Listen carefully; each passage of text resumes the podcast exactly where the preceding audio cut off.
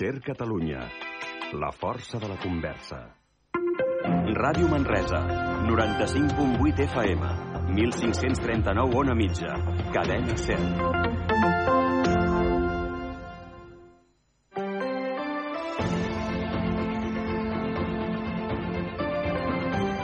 Hora L, Catalunya Central. Eli Pagant. Hola, què tal? Molt bon migdia. Comencem. Som divendres 12 de gener. Passen 5 minuts i mig de les 12. Hores d'ara només tenim 4 graus al centre de Manresa, Sant Domènec, amb un divendres tranquil meteorològicament parlant. També ja saben, com tots els divendres, qui ens parlarà molt millor del temps és el nostre meteoròleg, l'Arnau Graner, que li demanarem que ens explicarà què és el que ens espera a partir d'ara i parlarem una mica d'aquest episodi, podríem dir que ha sigut com un sufler, ens esperàvem molta cosa, però ha quedat en poc d'aquests darrers dies de l'aigua i això sí, la neu, que també serà molt beneficiosa. Parlarem de tot això amb el nostre meteoròleg només començar aquesta hora i la Catalunya Central. Avui el nostre company Carles Jodar també ens ha preparat una agenda esportiva per saber tot és el, tot el que hi ha aquest cap de setmana. Important, per exemple, de fet, no hi ha entrades, s'ha tornat a penjar el cartell de tot venut, el nou Congost. Ja fa dies que passen els darrers partits del Congost, s'omple, no queden entrades, i és que aquest cap de setmana, diumenge a la tarda, arriba al Bascònia, un partit molt especial, perquè els manresans trobaran a un dels seus ídols, Ximo Moneque, que en aquest cas juga amb l'equip de Vitoria. Tot això també ens explicarà el Carles Joder. Avui també escoltarem les entrevistes que ha mantingut amb l'Aleix i la Laia Bou. Ells són campionats de patinatge sobre rodes i avui també els volem parlar i ens parlarà de waterpolo. Saben, doncs, vostès que a la clínica Sant Josep i concretament al CIMATIT hi treballen alguns dels fisioterapeutes i també metges de la selecció espanyola de waterpolo, tant masculina com en femenina. També ens en parlarà el Carles Jodan.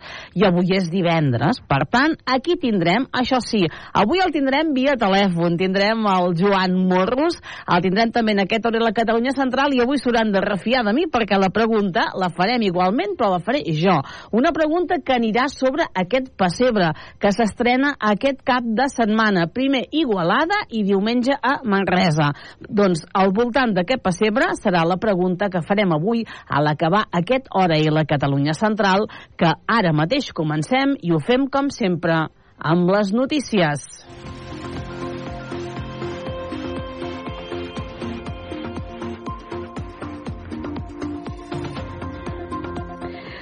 No ha pogut ser amb el 100% de pistes obertes perquè el temporal al final tampoc va ser tal com s'anunciava, però el cert és que les darreres nevades han donat una nova vida a l'estació d'esquí de Port del Comte. Fins ara, la manca de neu havia deixat l'estació en unes xifres realment baixes, però la nevada caiguda aquests dies, que s'ha caracteritzat per la seva abundància, que no s'ha caracteritzat per la seva abundància, però sí per la seva regularitat i per les baixes temperatures que permeten doncs, fabricar neu ha permès arribar al cap de setmana amb 10 de les 37 pistes obertes, amb 12, 10 quilòmetres esquiables, amb 20 i 20 i 35 centímetres de neu en pols.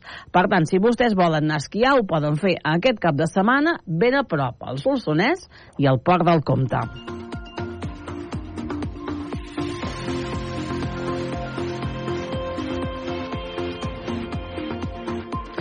I avui els volem parlar també dels germans Orrit, que recordin que van desaparèixer l'any 88 de l'Hospital de Sant Joan de Déu de Manresa i és que s'han publicat com serien actualment les, ells dos, els dos germans, les seves fotografies, com serien en l'actualitat. Zorrit avui en dia.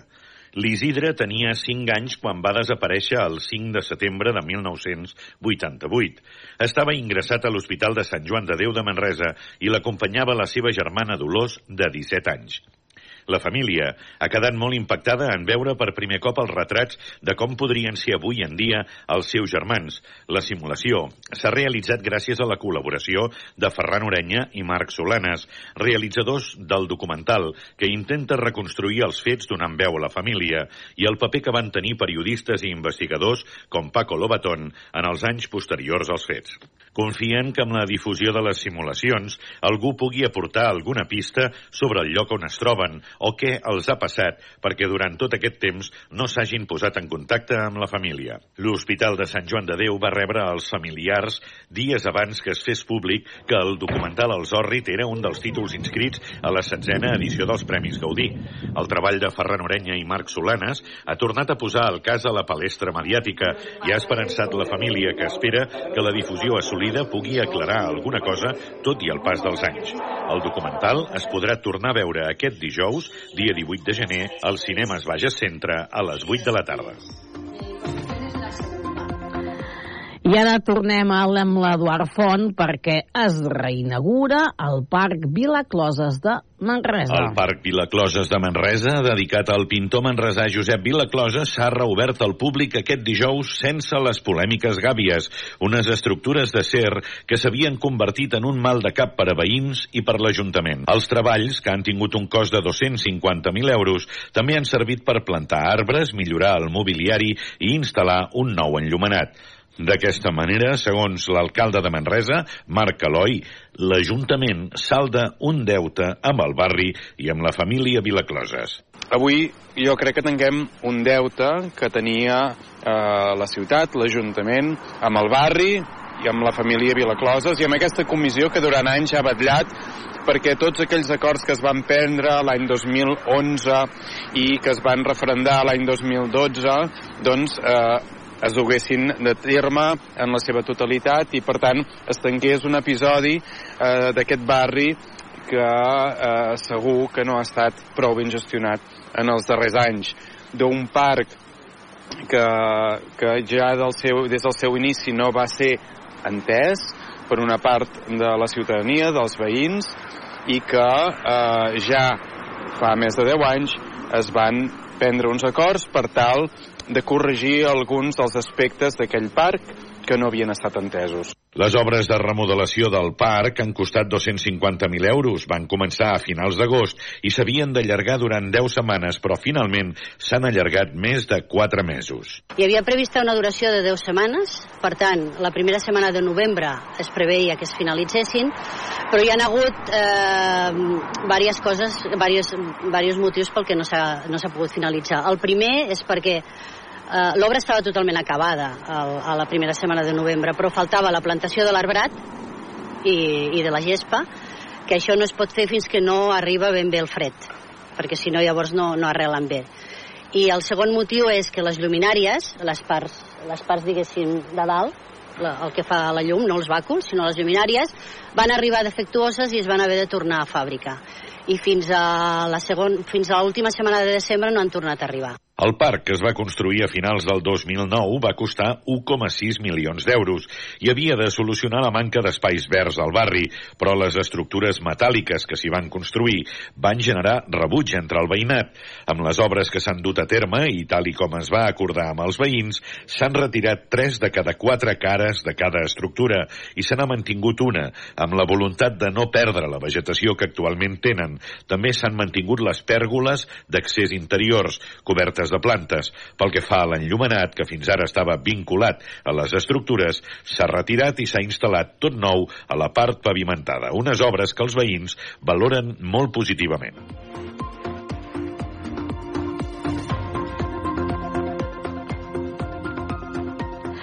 Ahir van tenir lloc l'entrega dels Premis Nacionals de Comerç amb dos establiments marresans premiats, l'Arboristeria Sant Miquel i també Iglesias Moda. Dos establiments de Manresa, un de Prats de Lluçanès i un altre de Castellterçol, es troben entre els guardonats aquest dijous a la 32a edició dels Premis Nacionals de Comerç i Premis Nacionals als establiments comercials centenaris. El president de la Generalitat, Pere Aragonès, acompanyat del conseller d'Empresa i Treball, Roger Torrent, van lliurar aquest dijous a la tarda els premis en un acte a l'Auditori del Palau de la Generalitat, que va comptar amb 21 establiments centenaris i 7 amb 150 anys o més d'història. Entre aquests n'hi havia un d'Igualada.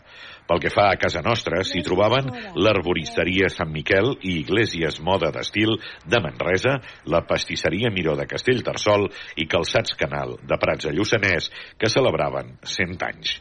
El president aragonès va fer menció a l'evolució que han viscut aquests establiments, afegint que la continuïtat del comerç ha estat possible gràcies a l'esforç de moltes generacions. Perquè no és només fer una feina, és realment tenir una vocació. És un ofici i és una voluntat de, de perseverança i de continuïtat en moments que a vegades són eh, realment difícils, complexos i aquells eh, comerços de més de, i establiments de més de 100 anys representeu eh, precisament aquesta resiliència reinventar-se per superar no només totes les dificultats sinó obrir nous eh, horitzons per seguir servint a la vostra clientela per seguir doncs eh, configurant aquest eh, comerç de proximitat del nostre, del nostre país. Per la seva part, el conseller d'Empresa i Treball va felicitar tots els premiats, ressaltant que el sector del comerç és vital per a l'economia del país i remarcant la importància dels valors que caracteritzen el model català de comerç, dels quals en destacava la vinculació amb l'entorn, la capacitat d'adaptació, la proximitat i el compromís amb la sostenibilitat i amb la igualtat d'oportunitats entre dones i homes.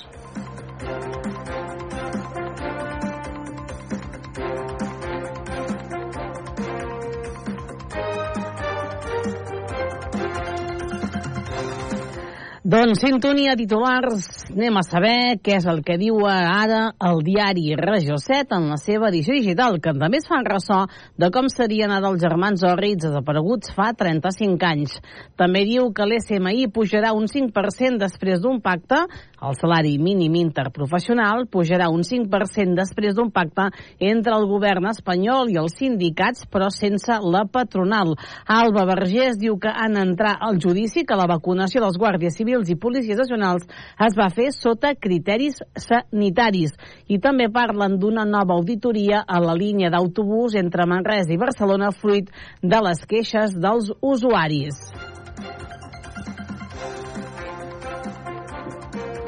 El titular de l'equip Berguedà a la residència Sant Bernabé a l'hotel Berga Park, l'Ajuntament, obert a estudiar-ho. Part de l'oposició ha posat la idea sobre la taula amb l'objectiu d'ampliar les places. El govern no ho veu malament, sempre que sigui per millorar l'atenció més que per concentrar-hi més usuaris. L'Alt Berguedà blanc de neu, les imatges, l'equip Berguedà publica les imatges més espectaculars d'aquesta nevada. La borrasca ha deixat entre 5 i 8 centímetres de neu a les valls del Pedraforca, la Serra del Cadí i també als rasos de Peguera. Continuem, ara ens anem fins a Solsona amb el Nació Digital. Brams i Gertrudis, caps de cartell del programa del Carnaval de Solsona. Aquesta setmana s'ha donat a conèixer tots els detalls del programa d'actes d'aquest Carnaval solsoní que arrenca el divendres 2 de febrer amb l'entrega dels bojos. També parla que arrenquen les reunions tècniques pel traspàs de Torà i Biosca al Solsonès. No s'ha concretat cap termini de finalització, tot i que es preveu un procés llarg i complex. Acabem aquest repàs anant fins la comarca de la Noia, sabent que publica l'infoanoia.cat que diu que l'Ajuntament d'Igualada preveu plantar més de 400 arbres al llarg d'aquest any.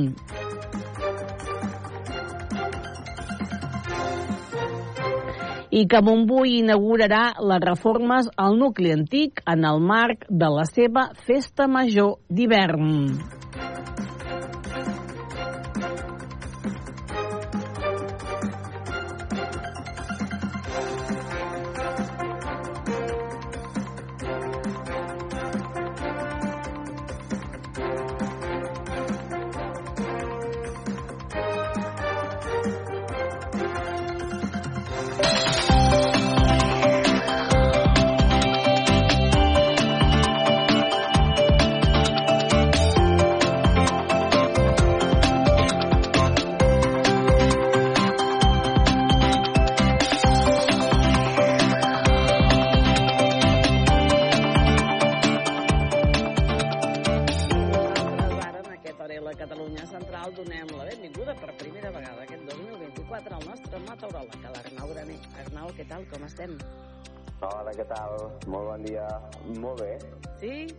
Tot bé? Malgrat aquests últims dies, eh, clar, hem tingut fred, hem tingut pluja, hem tingut neu, però segurament no el que esperàvem i el que esperàvem, o el que s'esperava. Exacte, correcte. Sí, hem tingut pluja, sobretot entre dimecres i dijous, bàsicament el dimecres, i no va ja que ha sigut una situació realment complicada de preveure. Mm, ha sigut una situació eh, mm, amb un radi d'acció molt, molt petit, amb una baixa tancada al Mediterrani, i aquest tipus de situacions són realment eh, d'una predictibilitat molt baixa. Això provoca que els models meteorològics ballin moltíssim. Tots, no només un, sinó pràcticament tots, i en podem consultar 10, 12, 15, els que facin falta, i quasi, quasi, pràcticament tots anaven en direccions completament diferents i és el que té fer prediccions a, a llarg termini amb baixa predictibilitat. Doncs aquesta vegada ens ha sortit creu, s'ha anat tota la pluja, la més important, cap a la zona del sud-est de, de França, que també els hi feia falta, i aquí a casa nostra doncs, ens hem quedat amb aquestes quantitats realment minces, realment com, complicat de, de fer-ne balanç, però que entre 1 i 4 litres en general a, a pràcticament tot Catalunya, això sí, però ben poqueta cosa vist el que ens arribaven a donar a, als mapes eh, meteorològics. I tot plegat és complicat d'analitzar, ja que aquí poden sortir eh, perjudicats quan fas una previsió d'aquestes característiques, doncs molta gent, inclosos els, els pagesos a l'hora de, a l'hora de sembrar. Bé, tot plegat eh, ja és història i ara estem davant d'una altra situació, d'una nova situació, tornem a canviar aquest patró tan fred que hem tingut els darrers eh, 4, 5, 6 dies. Realment, des del cap de setmana passat hem tingut una setmana molt, molt freda que va culminar entre dimecres i dijous amb aquesta borrasca mediterrània que no va fer el recorregut que voldríem, però que almenys ens ha deixat eh, precipitacions generals i neu a cotes mm. mitjanes mm. del Pirineu i, i Prepirineu. Home, la neu sempre també és bona notícia, eh? No sé que ens l'evapori la calor i que es desglaci massa ràpid i totes aquestes coses, la neu és bona notícia.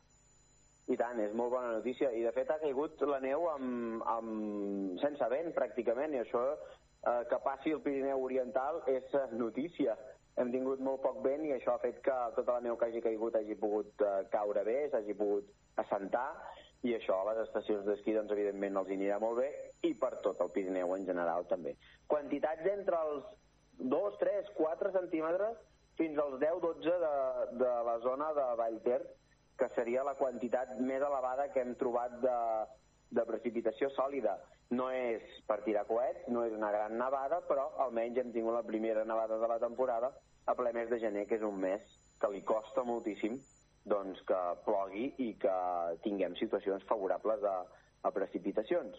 Tot plegat ens queda molt d'hivern, per tant estem a l'espera, estarem eh, il·lusionats per tenir una altra situació d'aquestes i a veure si realment la podem tenir, aconseguir i que realment ens porti aquesta ansiada, desitjada i fins i tot et diria que absolutament necessària pluja, ja que si no canvien les coses, aviat entrarem en situació crítica i en situació ja d'emergència absoluta perquè ara què passa? Canvia radicalment la, la situació, Arnau, què és el que tindrem a partir d'ara, que tindrem a partir d'avui divendres i, per exemple, al llarg d'aquest cap de setmana?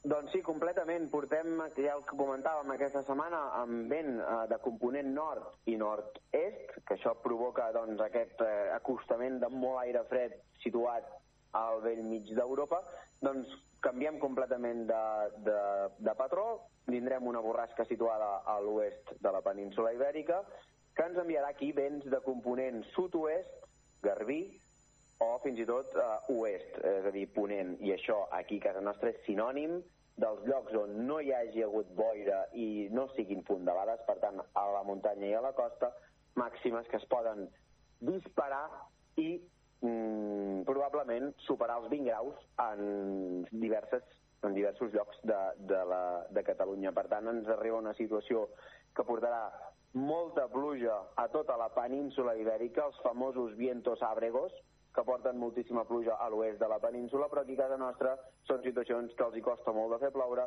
eh, i que com a molt a tot estirar tota la zona de, del prepirineu i Pirineu també eh, més eh, de occidental, allà sí que podrien acumular litres a partir, sobretot ja, de mitjans de la setmana vinent. Però fins llavors, anticicló molt a prop, eh, situació de borrasca atlàntica que ens enviarà vents del sud i vents de ponent a casa nostra i això implicarà sol i boires.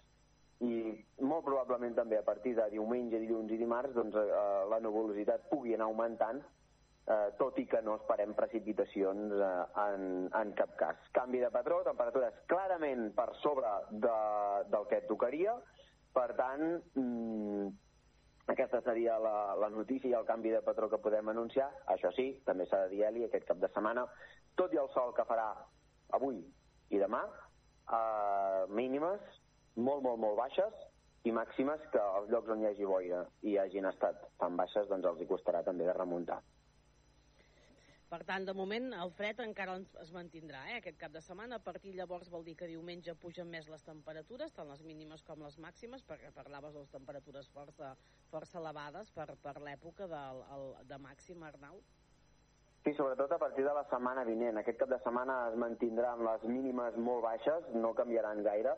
Les màximes sí que poden pujar, evidentment, perquè portem dos dies on ha faltat insolació, i ens hem quedat amb, amb màximes realment baixes, entre els 4 i els 5-6 graus a tot, a tot estirar a pràcticament tot Catalunya, sobretot també aquí a la Catalunya central, i això és el que mm, canviarà sobretot de cara, ja avui mateix, amb aquesta presència del sol ja la temperatura podrà pujar una miqueta, eh, però serà sobretot dissabte i diumenge que la temperatura notarem que ja és més elevada, sobretot durant el dia durant el dia i a les zones que, que el que dèiem on la boira eh, hagi marxat ràpid. Estem parlant d'altiplà central i zones més properes a la costa. A la resta es mantindrà l'ambient força fred i, i el que dèiem, amb temperatures que amb prou feines eh, superaran els 10-12 graus de màxima. Uh, esperem que ens arribi doncs, aquest canvi de patró esperat no? i que ens porti aquestes pluges que tots desitjaríem, però clar, com sempre, i ens ha explicat moltes vegades l'Arnau, estem parlant de segurament els mesos, uns dels mesos més secs de, de l'any, no? el, que, el que ens ve a partir d'ara.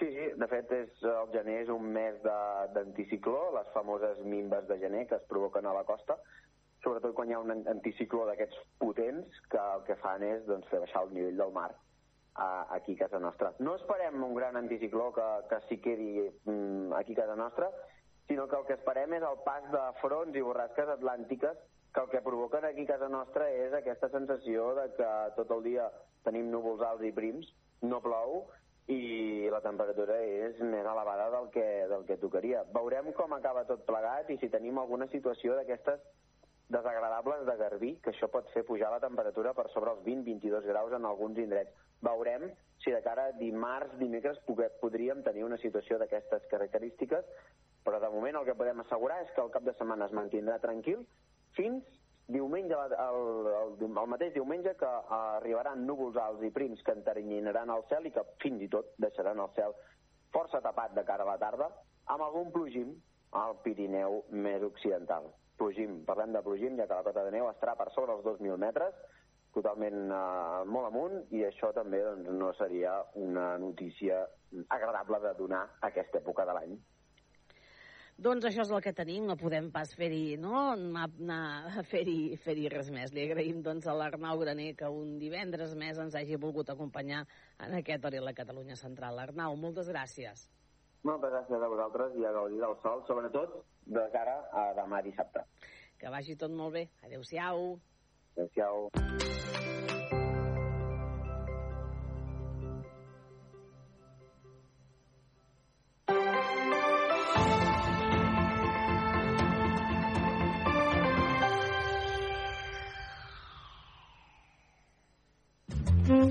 Proposem una finestra oberta al món i a tots els temes que puguis imaginar. Un espai lliure, on cada tertulià pot expressar el que pensa i el que vol i nosaltres estem contents de que ens hi vulguis acompanyar. Barra Lliure, un programa de Pilar Gonyi sense filtres i amb tot allò que vols saber i que els nostres convidats t'expliquen. De dilluns a divendres a la una del migdia en directe a Ràdio Manresa i Canal Taronja de Televisió i en remissió a la televisió a dos quarts de quatre de la tarda i a les 10 de la nit. El cap li girava. Subministren energia i ara ens ajuden a produir-la! No! Doncs sí, i es diu autoconsum. Instal·lació, finançament i autoconsum compartit. Comunitats de veïns, unifamiliars i empreses. Benvinguts a la revolució energètica. Factorenergia.cat Per fi hi ha un altre llum. Factor Energia. Empresa col·laboradora amb la Barcelona Equestrian Challenge.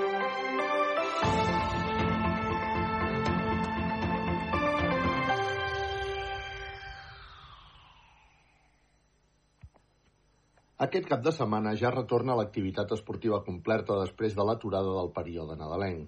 El principal partit que jugarà és el que diumenge a les 5 de la tarda el Congost enfronta el Baxi Manresa i el Bascònia.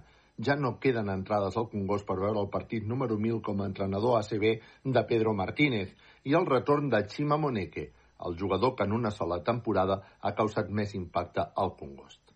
En Lliga EVA de bàsquet, el Navàs rebrà dissabte a dos quarts de vuit del vespre al Vic. Els navassencs volen afiançar-se a la zona alta de la taula classificatòria després de la seva victòria la passada setmana a Escastell. En Supercopa masculina, el Manresa B rebrà el Congost dissabte a les 4 a l'Esparreguera, mentre que en Copa Catalunya hi ha derbi vegenc. El líder, Artés, rebrà la visita del Cué, el Vilatorrada. En Supercopa femenina, partidàs dissabte a les 4 de la tarda a Santa Coloma de Gramenet s'enfronten els dos equips líders de la categoria, el Gramenet i el Manresa Club Bàsquet Femení. En futbol, segona divisió de la federació, el Manresa té l'oportunitat de poder rescabalar-se de la darrera derrota al Congost. Els de Coromines reben diumenge a les 12 del migdia al Saguntino. Una victòria mantindria els manresans a la zona mitja de la taula. Una derrota ja els faria començar a mirar avall. En primera catalana de futbol, la Pirinaica rebrà diumenge al municipal de l'Amion el sempre difícil castellà, mentre que el joanenc es desplaça al camp del Júpiter. En futbol sala, el Covisa Manresa retorna al Pujolet rebent el Club Natació Sabadell. Els manresans volen mantenir inexpugnable el Pujolet per continuar a la part alta de la taula classificatòria de la segona divisió B. El partit començarà a dos quarts de set de la tarda. Dissabte, a les 4 de la tarda, també hi haurà rugbi al Congost.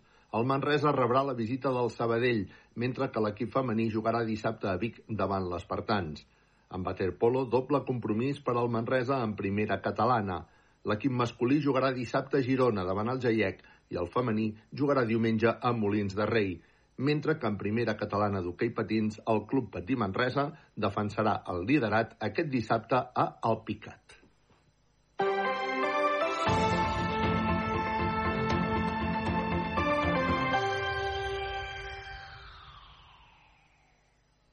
Intel·ligència, estratègia, planificació, imaginació, creativitat, comunitat, passió, emoció. Els escacs, molt més que un simple joc. Ona d'Escacs, un programa de ràdio setmanal per estar al dia de totes les novetats escaquístiques de la Catalunya Central. Cada divendres, a les 3 de la tarda, a casa teva, a Ràdio Manresa. Bàsquet a Ràdio Manresa. L'equip encapçalat per Carles Coder i Josep Vidal t'ho expliquen tot el detall, amb prèvies, narracions, entrevistes i anàlisi de cada partit. 95.8 FM, radiomanresa.cat i aplicacions per iOS i Android. Aquest diumenge, a partir de dos quarts de cinc de la tarda, Baxi Manresa, Bascònia. Amb el patrocini d'Equívoc Albert Disseny, la taverna del Pinxo, Expert Joanola Fotomaton, Control, Frankfurt Cal Xavi, GST Plus, Viatges Massaners i Clínica La Dental Doctora Marín.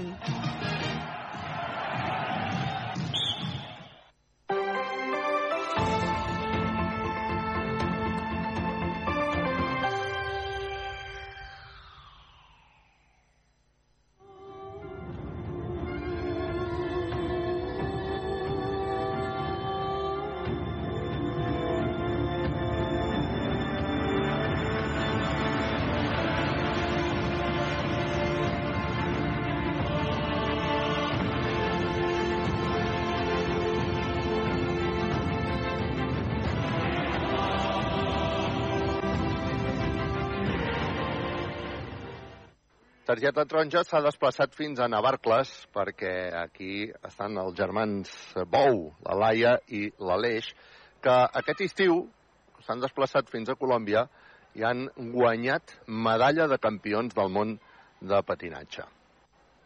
Els dos germans. Què tal, Laia? Què tal? Com esteu, Aleix? Molt bé, molt contents d'aquest premi que hem guanyat. Explica'm una miqueta uh, com és que heu anat a Colòmbia, quins són els vostres clubs, uh, com, com heu arribat a, a, a poder lluir aquesta medalla, medalla que esteu lluint de campionats del món. Bueno, doncs ha sigut una temporada bastant difícil. Eh, vam tenir bastants entrebancs. Jo vinc amb el... Bueno, he competit amb el Club Petit de Tona, amb el Xou Petit de Tona, perdó.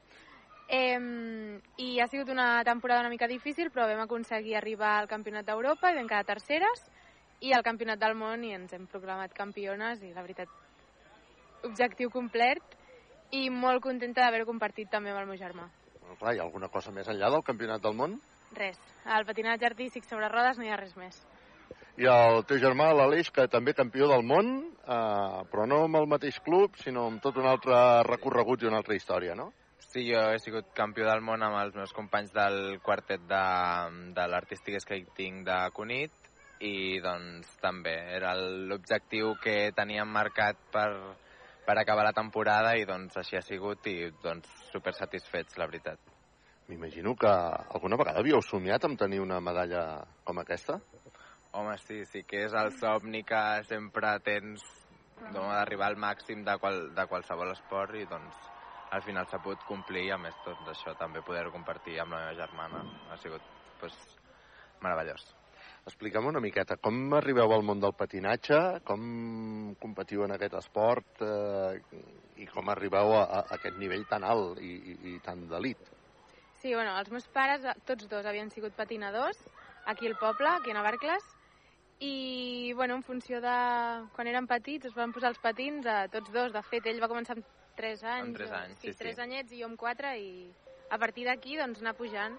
Primer amb individual, vam competir sols tots dos, i, bueno, una cosa portada a l'altra, jo he fet grup amb 12 persones, que al xou petit són màxim de 12, i ell ha fet més coses, ell ha fet parelles i, bueno, explica tu una mica. Sí, exacte. Bueno, durant tota la, gairebé tota la meva carrera he fet individual, però va, vaig estar quatre temporades competint amb parelles, que també vam anar a dos campionats d'Europa, em vam tornar amb medalla tots dos, i també ara, bueno, ara he fet quartet, però només per, per aquest mundial, i llavors també faig individual, jo sol. Uh, quines, edats, quines edats teniu? Tu ets el primer any de sènior, em deies? Sí, jo en tinc 19, 19 anys. Jo 23. I, per tant, després d'haver aconseguit aquest objectiu de tenir aquesta medalla penjada de campions del món, uh, sou joves encara. Suposo que teniu encara una llarga carrera esportiva o, o, o com ho teniu pensat, això? Bueno, jo ja plego. Plegues, eh? S'acaba. O sigui, aquesta medalla ha marcat el teu, la, el teu final de carrera esportiva, pel que veig.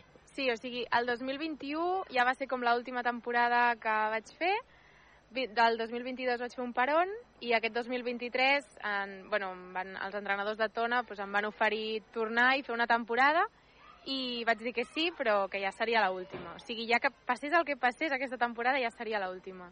Uau, llavors entenc, entenc que aquesta medalla encara deu ser molt més emotiva del que, del que podia ser una medalla de campiona del món, no?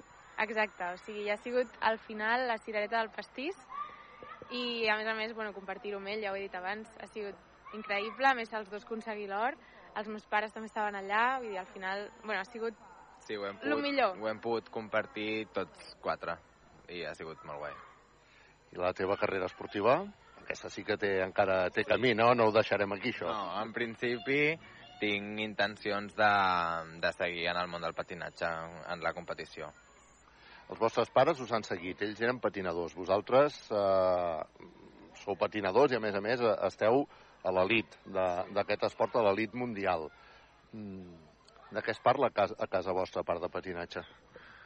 Mm, bueno, el, sí que és veritat que parlem molt de patinatge i tot, perquè doncs, ells, com que també han sigut patinadors durant molts anys de la seva vida, pues, doncs sabem de, de, de què va tot i tal, i tenim moltes coses en comú, però també és, no s'han ficat mai com tampoc en el territori de, com d'entrenador, exacte. Han sigut com doncs, per animar-nos i recolzar-nos sempre, no per matxacar-nos ni, ni res en concret. Home, penso que això és molt important que expliques perquè moltes vegades eh, quan es troba gent així acostuma a passar, no?, que, el, que els pares de vegades els hi costa ma- mantenir aquest, aquest espai. Suposo que això és quan, és quan vosaltres també agraïu molt, no?, el, el seu suport. Sí, sí, exacte. O sigui, l'important jo crec que és donar-nos suport. Vull dir, ells entenen del patinatge i saben molt i han patinat tota la vida, però al final l'entrenador és el que t'està portant i el pare no... O sigui, els pares en aquest cas no poden portar la contrària a l'entrenador, per dir-ho d'alguna manera, no? Llavors, això és d'agrair, sí, sí.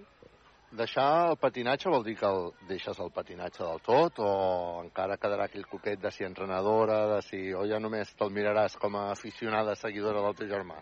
Bueno, vaig ser monitora uns anys, però, però ja està. O sigui, ara ja estic acabant la carrera de biologia, ja espero centrar-me en altres coses i seguir el patinatge, pues, disfrutar-lo per part seva i ja està. No deu ser fàcil, no?, compaginar estudis, ara que parlaves de biologia, amb, amb un esport que entenc que econòmicament tampoc no deu ser gens fàcil de, de, de sostenir i que, a més a més, té una exigència doncs, de, de màxima competició, no? Com, com, com ho gestioneu, això? O sigui, és difícil de gestionar, compaginar l'esport que treu moltes hores del dia perquè has d'estar doncs, fent entrenament amb patins, preparació física, flexibilitat i doncs, això requereix doncs, moltes hores de, del dia. Però sí que és veritat que si tens una... tu t'organitzes tot i tens clar quin, quines hores destines a cada cosa, doncs et pots acabar compaginant bé i portant-ho tot bastant al dia. Tu estudies a l'Eix? Sí, jo estic fent el segon any d'un grau superior d'imatge per al diagnòstic a Sabadell. Tu em comentaves biologia, uh, com, com ho has portat, això d'aquest màxim nivell de l'esport amb els estudis, que estàs acabant, no?, pel que em comentes. Sí, bueno, nosaltres sempre hem compaginat els estudis, no hi ha hagut cap moment ni cap any que haguem dit "Au, aquest any ho deixem per seguir patinant i això, o sigui, sempre ho hem compaginat, tots dos hem fet batxillerat, hem fet un grau superior, vull dir que tot es pot fer, tot, si t'organitzes... És habitual en el vostre entorn que això sigui així? Bueno, hi ha de, una mica o sigui, de tot. sí, hi ha de tot, però la gent que està a l'elit acostuma només a dedicar-se al món del patinatge. Tu deies que si t'organitzes pots seguir endavant. Deus ser una persona organitzada, no? Acabem d'explicar que t'havia tallat. No, això, que jo crec que si t'organitzes ho pots aconseguir. I ara amb la universitat, bueno, ja estic al quart any, i m'he seguit compaginant bastant bé amb tot plegat. Bueno, ja dic, l'any passat va ser un peron de patinar, en aquest cas, però tot es pot portar endavant i la veritat és que la, la universitat m'ha donat molta facilitat també per poder anar al Mundial, per exemple, i aplaçar-me les coses o no posar-me els terminis. I tot això també és d'agrair a, la, a la universitat. Uh, entenc, doncs, que deveu ser unes persones molt organitzades. És el propi esport que us ajuda a, a, a fer aquesta estructura, a, estructura mental tan organitzada? Sí, jo crec que l'esport t'ajuda a tenir com una disciplina que la pots aplicar pues, en diferents aspectes de la vida, tant sigui pues, això en, el, en els estudis com en altres, en altres moments. Fa poc entrevistàvem a, el Gerai de, de Manresa, que també va participar en aquest Mundial, que va aconseguir bronze amb el, amb el conjunt del Tona, i me'n recordo que li preguntava si ell se sentia més artista que esportista.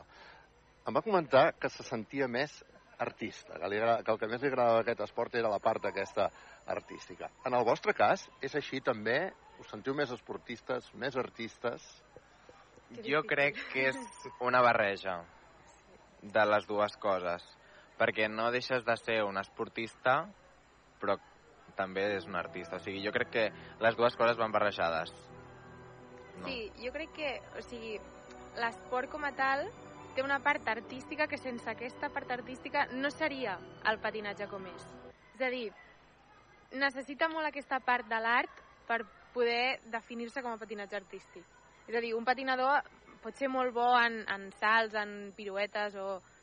però si no, si no té aquella cosa que et fa que el miris, que et fa que, la, que t'emocionis amb ell, no, no t'acaba d'arribar, no, no acaba de fer com aquest conjunt. Mm. És, és un conjunt, Sí. totalment. Jo opino igual. Molt bé, molt, molt interessant tot això que ens esteu explicant. Uh, no ens negareu que és un plaer venir a Navarcles, acostar-nos fins a Navarcles i poder estar al costat de dos esportistes, dos germans, l'Aleix i la Laia, que tenen o esteu lluint una medalla de, de campions del món. Us felicitem.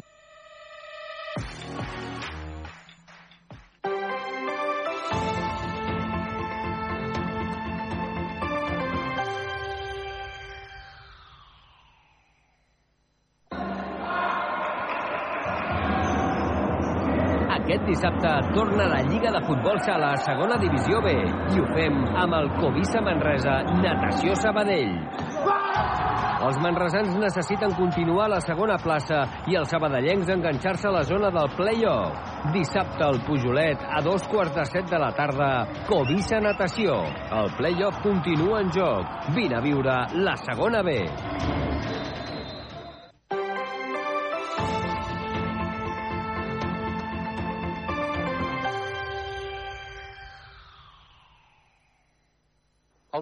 És un esport històric a la ciutat de Manresa.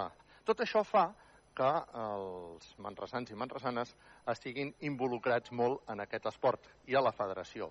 I en concret es dona la circumstància que tot l'equip mèdic de la Federació Espanyola i de les seleccions estatals de waterpolo són de Manresa. Comandats pel doctor Albert Estiarte, i també acompanyat de la doctora Griselda Sirvent, encapçalen un equip mèdic que també té fisioterapeutes com el propi fill de l'Albert Estiarte, el Marc Estiarte, i la Núria Falla i l'Òscar Monconill. De fet, amb aquests dos, amb la Núria Falla i l'Òscar Monconill, varen parlar de com es viu des de ser fisioterapeuta els campionats amb la selecció espanyola de waterpolo. Aquesta va ser l'entrevista. Sí, doncs va ser l'any 2018 que l'Òscar, eh, gràcies a l'Òscar i a l'Albert, em van trucar perquè necessitaven introduir doncs, figures femenines a nivell d'estaf eh, a dintre de la selecció i bueno, va ser, m'ho van oferir i m'hi vaig tirar de cap.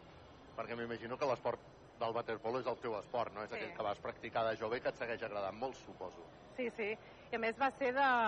Jo vaig ser del, del grup de noies que va crear el waterpolo femení aquí a Manresa. I llavors, doncs, fa il·lusió. Entre l'esport i la feina que m'apassiona, doncs ja tinc... És, és dur ser afició d'un esport tan d'elit com el waterpolo i, en canvi, malgrat ser molt d'elit, ser un esport minoritari? Dur no, dur no, però, però has d'estar darrere, és cansat, sobretot quan, eh, amb una gran competició. Però bueno, jo disfruto i, i m'ho passo bé. Òscar, uh, tu portes ja molt temps, no?, darrere de les seleccions uh, masculina, femenina en aquests moments.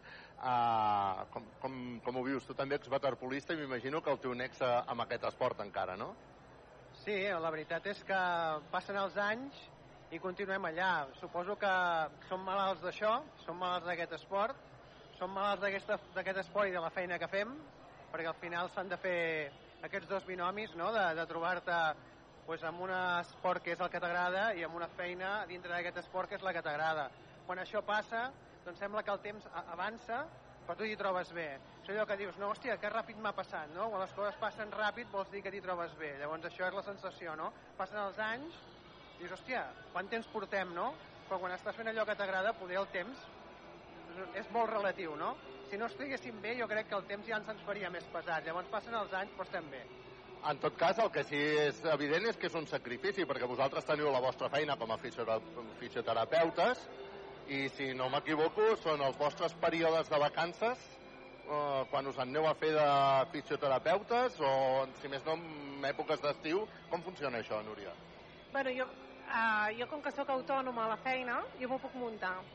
I llavors tinc les meves vacances i a part m'agafo anar amb la selecció com a període de descans a la meva consulta, no? Però, però no són unes vacances perquè treballem molt. No, per això dic que és període de vacances, però amb una feina entenc que molt intensa i, a més a més, acostuma a ser en viatges molt lluny, no? Sí, sí. Jo, jo en aquest cas, a, a qui hauria d'estar agraït eh, és a la família, principalment, perquè quan marxem així, marxem i marxem dies, llavors és, és obvi que, que hi ha algú que es queda aquí i marxar, marxar és molt, és molt ambigu, no? Això de dir marxem, dir, ha d'haver-hi algú al darrere que també et dongui suport perquè facis allò que t'agrada. I en aquest cas he d'estar agraït a la meva família perquè, escolta, m'ha permès doncs, fer tot això que estic fent entenent que és una cosa que m'agrada i la qual hi disfruto. I com diu la Núria, són dies que treballem, que treballem molt, és una feina que pues, implica una constància, una dedicació i també s'hi ha de saber estar, no? I a partir d'aquí jo penso que l'important és també l'equip que formem. Som un equip de treball en el qual sense aquest equip de treball tot això encara seria més difícil de poder portar. Llavors jo crec que a nivell mèdic, amb un staff mèdic que, que crec que ens portem tots pues, pues molt bé, i ens ajuntem, no? És allò de treballem plegats, i això també fa doncs, que la Núria, el Marc, altres fisios que formem part d'aquest equip, juntament amb els metges que hi ha al darrere, el doctor Estiarte com a director mèdic, o la Griselda Sirvent, que també està formant part d'aquest equip, i tots aquells metges de, del TAIA que col·laboren amb, amb aquest esport, doncs, escolta, aquest, aquesta gran família que formem doncs, fa que també tot això sigui, sigui amè i que es pugui portar bé.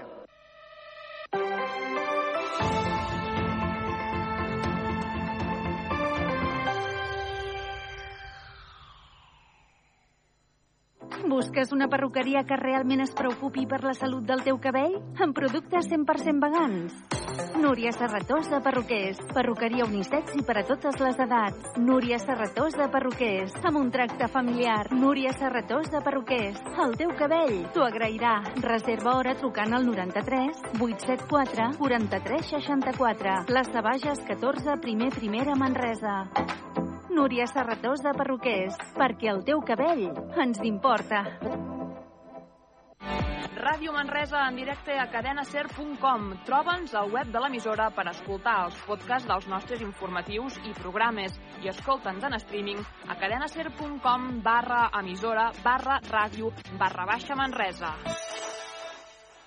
Atenció, curs d'operador carretilla elevadora. Tipus de carretilla, frontal, apilador i transpalet elèctric. Possibilitat de fer també carretilla retràctil segons demanda. Preu per a particulars, carnet de carretilla frontal, apilador i transpaleta elèctrica, 150 euros. Carnet de carretilla frontal, retràctil, apilador i transpaleta elèctrica, 180 euros. Els treballadors tenen la possibilitat de bonificar el curs a Fundae per empreses. Informació a GCT Plus Consultoria i Formació. Telèfon 722 76 41 11.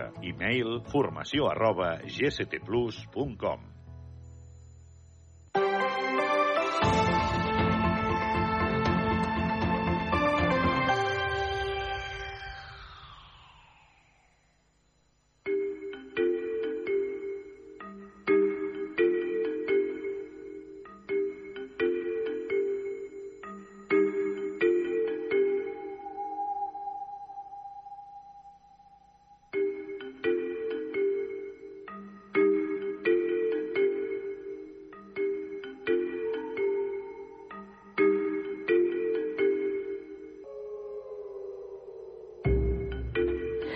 Doncs ens falten 7, mitu 7 minutets llargs, diguem-ho bé, fins per arribar a la una, i avui el Joan Molros el tenim via telefònic. Hola, Joan, què tal? Hola, bon dia, molt bé. És com si et tinguéssim aquí al costat, eh? Perfectament. Avui sí. ja has dit als oients al començar que avui s'hauran de refiar de mira-la per, fer la, per fer la pregunta. Jo, jo crec que ho faran. Jo, jo, crec, jo crec que sí, eh? Sí, sóc bona mossa. Uh, doncs, uh, Joan, comencem perquè és que, de fet, avui ja tenim... Home, avui quasi bé sempre podem posar la catifa vermella al cursal amb tot el mal que programeu, però clar, avui tenim una gran dama perquè, sí. no? Tenim la Lolita Sí, Flores sí. fent aquest Pòncia. Exacte, Lolita Flores, que torna, que torna a Manresa, va, va venir al Cursal fa uns anys a fer la, la colometa amb la plaça del Diamant i avui doncs torna per fer aquesta majordoma, aquesta criada de la casa de Bernat d'Alba, que és una de les, de les obres del, del Federico García Lorca i per tant és un, un monòleg que segur que estarà, que estarà molt bé, serà contundent, serà emotiu i és una gran, una gran actriu i per tant aquest vespre a les 8 la tindrem a, a la sala gran del Cursal amb molt poquetes entrades a la venda però encara en queda alguna de la- de l'amfiteatre. Doncs ja ho saben. I es- després ja ens n'anem a... Sí, no, dic que després ja ens n'anem a demà, que tenim la nit dels genis, aquesta, aquesta trobada de mags que es fa a prop d'aquí Manresa cada any i que venen a fer el dissabte, el dissabte al, al, vespre a la sala gran del Cursal venen a fer doncs, de, dels diferents mags que, que estan en aquesta, en aquesta trobada doncs des de fa 12 anys venen a fer un, un espectacle que està format per, per 6, 7, 8 de les actuacions dels mars que, que es troben en aquest, en aquest claustre que en diuen ells. No? I per tant tenim l'oportunitat de veure mags doncs, de, de França, d'Alemanya, d'Itàlia, de Suïssa i n'hi ha també un de, el presentador que és, que és català i això serà demà, demà al vespre a les, a les 8 de, de la tarda a la sala gran i també queden poquetes entrades però algunes, algunes encara en queden I, I aquí sí que es veu de I tot, eh? ens en anem Dic, amb, amb la nit dels genis, que ves va bé perquè veus mags, és dir, veus un, un tou Sí. de mags, eh? Molts, molts mags, vol dir molts trucs, molta màgia. Sí, exacte, molts, molts estils, eh, màgia més de prop, màgia de cartes, de grans, de grans eh, elements, vull dir que hi ha, hi ha una mica de tot, és molt, és molt variat i per tant, doncs, per tot tipus de, de públic aquesta nit dels genis. I després ja ens n'anem al, al diumenge, de la qual sortejarem aquestes dues entrades per la persona que endevina la pregunta, que és aquest pessebre de, de Pau Casals, bueno, de, el, el pessebre és escrit per Joan, va ser escrit per Joan Alavedra i la música de Pau Casals, i del qual ara aquest any 2023 es van, van commemorar els 50 anys de la seva mort i que l'Antoni Ros Marban ha fet una orquestració especial per, per ser representada en diferents teatres i que arribarà al Cursal a les, a les 6 de la tarda diumenge amb dues orquestres, l'Orquestra Cambra de Vic i l'Orquestra Terres de Marca de, de la Noia i amb la participació de quatre corals, eh, una de les quals és l'Orfeó Manresà i per tant tindrem a dalt de l'escenari 200 persones i del, entre les solistes doncs, eh, destaca la, la soprano Helena Mateo i també la manresana Mireia, Mireia Pinto. Per tant, tota la gent amant de la música, de la música clàssica doncs, té el seu, eh, estan convocats per diumenge a les 6 de la tarda. Una hora abans, l'Oriol Pérez, musicòleg, farà una xerrada com fem amb l'òpera i amb la dansa, doncs també per introduir eh, els, alguns elements del que serà aquest, aquest pessebre. Doncs I aquest això és el que, pessebre. el que tenim per aquest cap de setmana. Doncs aquest pessebre que és això, com que ens queden 3, minu 3 minutets, Joan, si, si et sembla bé, jo t'abandono, et deixo Sí. i vaig a fer doncs aquest sorteig per a qui ens digui la resposta correcta, tindrà aquestes dues sí. entrades per anar a veure aquest, aquest, aquest pessebre. Et sembla bé? Em sembla perfecte, eh? Doncs vinga, Joan, doncs, fins la setmana bon vinent. cap de setmana i fins la setmana vinent. Adéu-siau. Adéu, que vagi bé.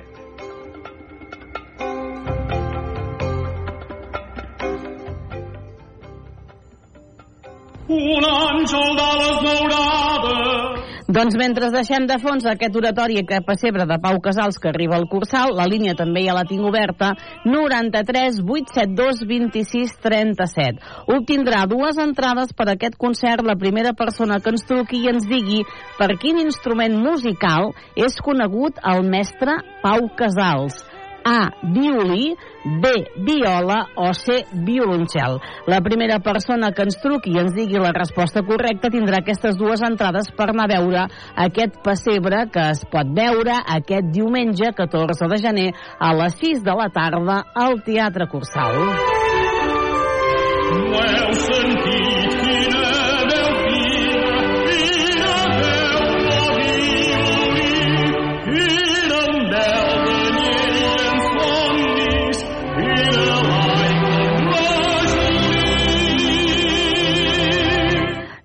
93 872 26 37 ens queda un minut i mig per arribar a la una del migdia. Ens han de dir en quin instrument per quin instrument musical va ser conegut el mestre Pau Casals. A, violí, B, viola i C, violoncel. I són les entrades per anar a veure aquest pessebre que es podrà veure al Teatre Cursal de Manresa aquest diumenge a les 6 de la tarda amb totes aquestes solistes amb l'Orquestra de Cambra de Vic amb l'Orquestra Terres, Terres de Marca de la Noia, també amb la Coral Canigó, moltes corals, Orfeo Manresà i com ens explicava el Joan també la contral Mireia Pinto i també la soprano Helena Mateo. 93 872 26 37. Tenim un minutet fins la una del migdia per endivinar aquesta pregunta. Hola, bon dia. Hola. Bon dia. El seu nom?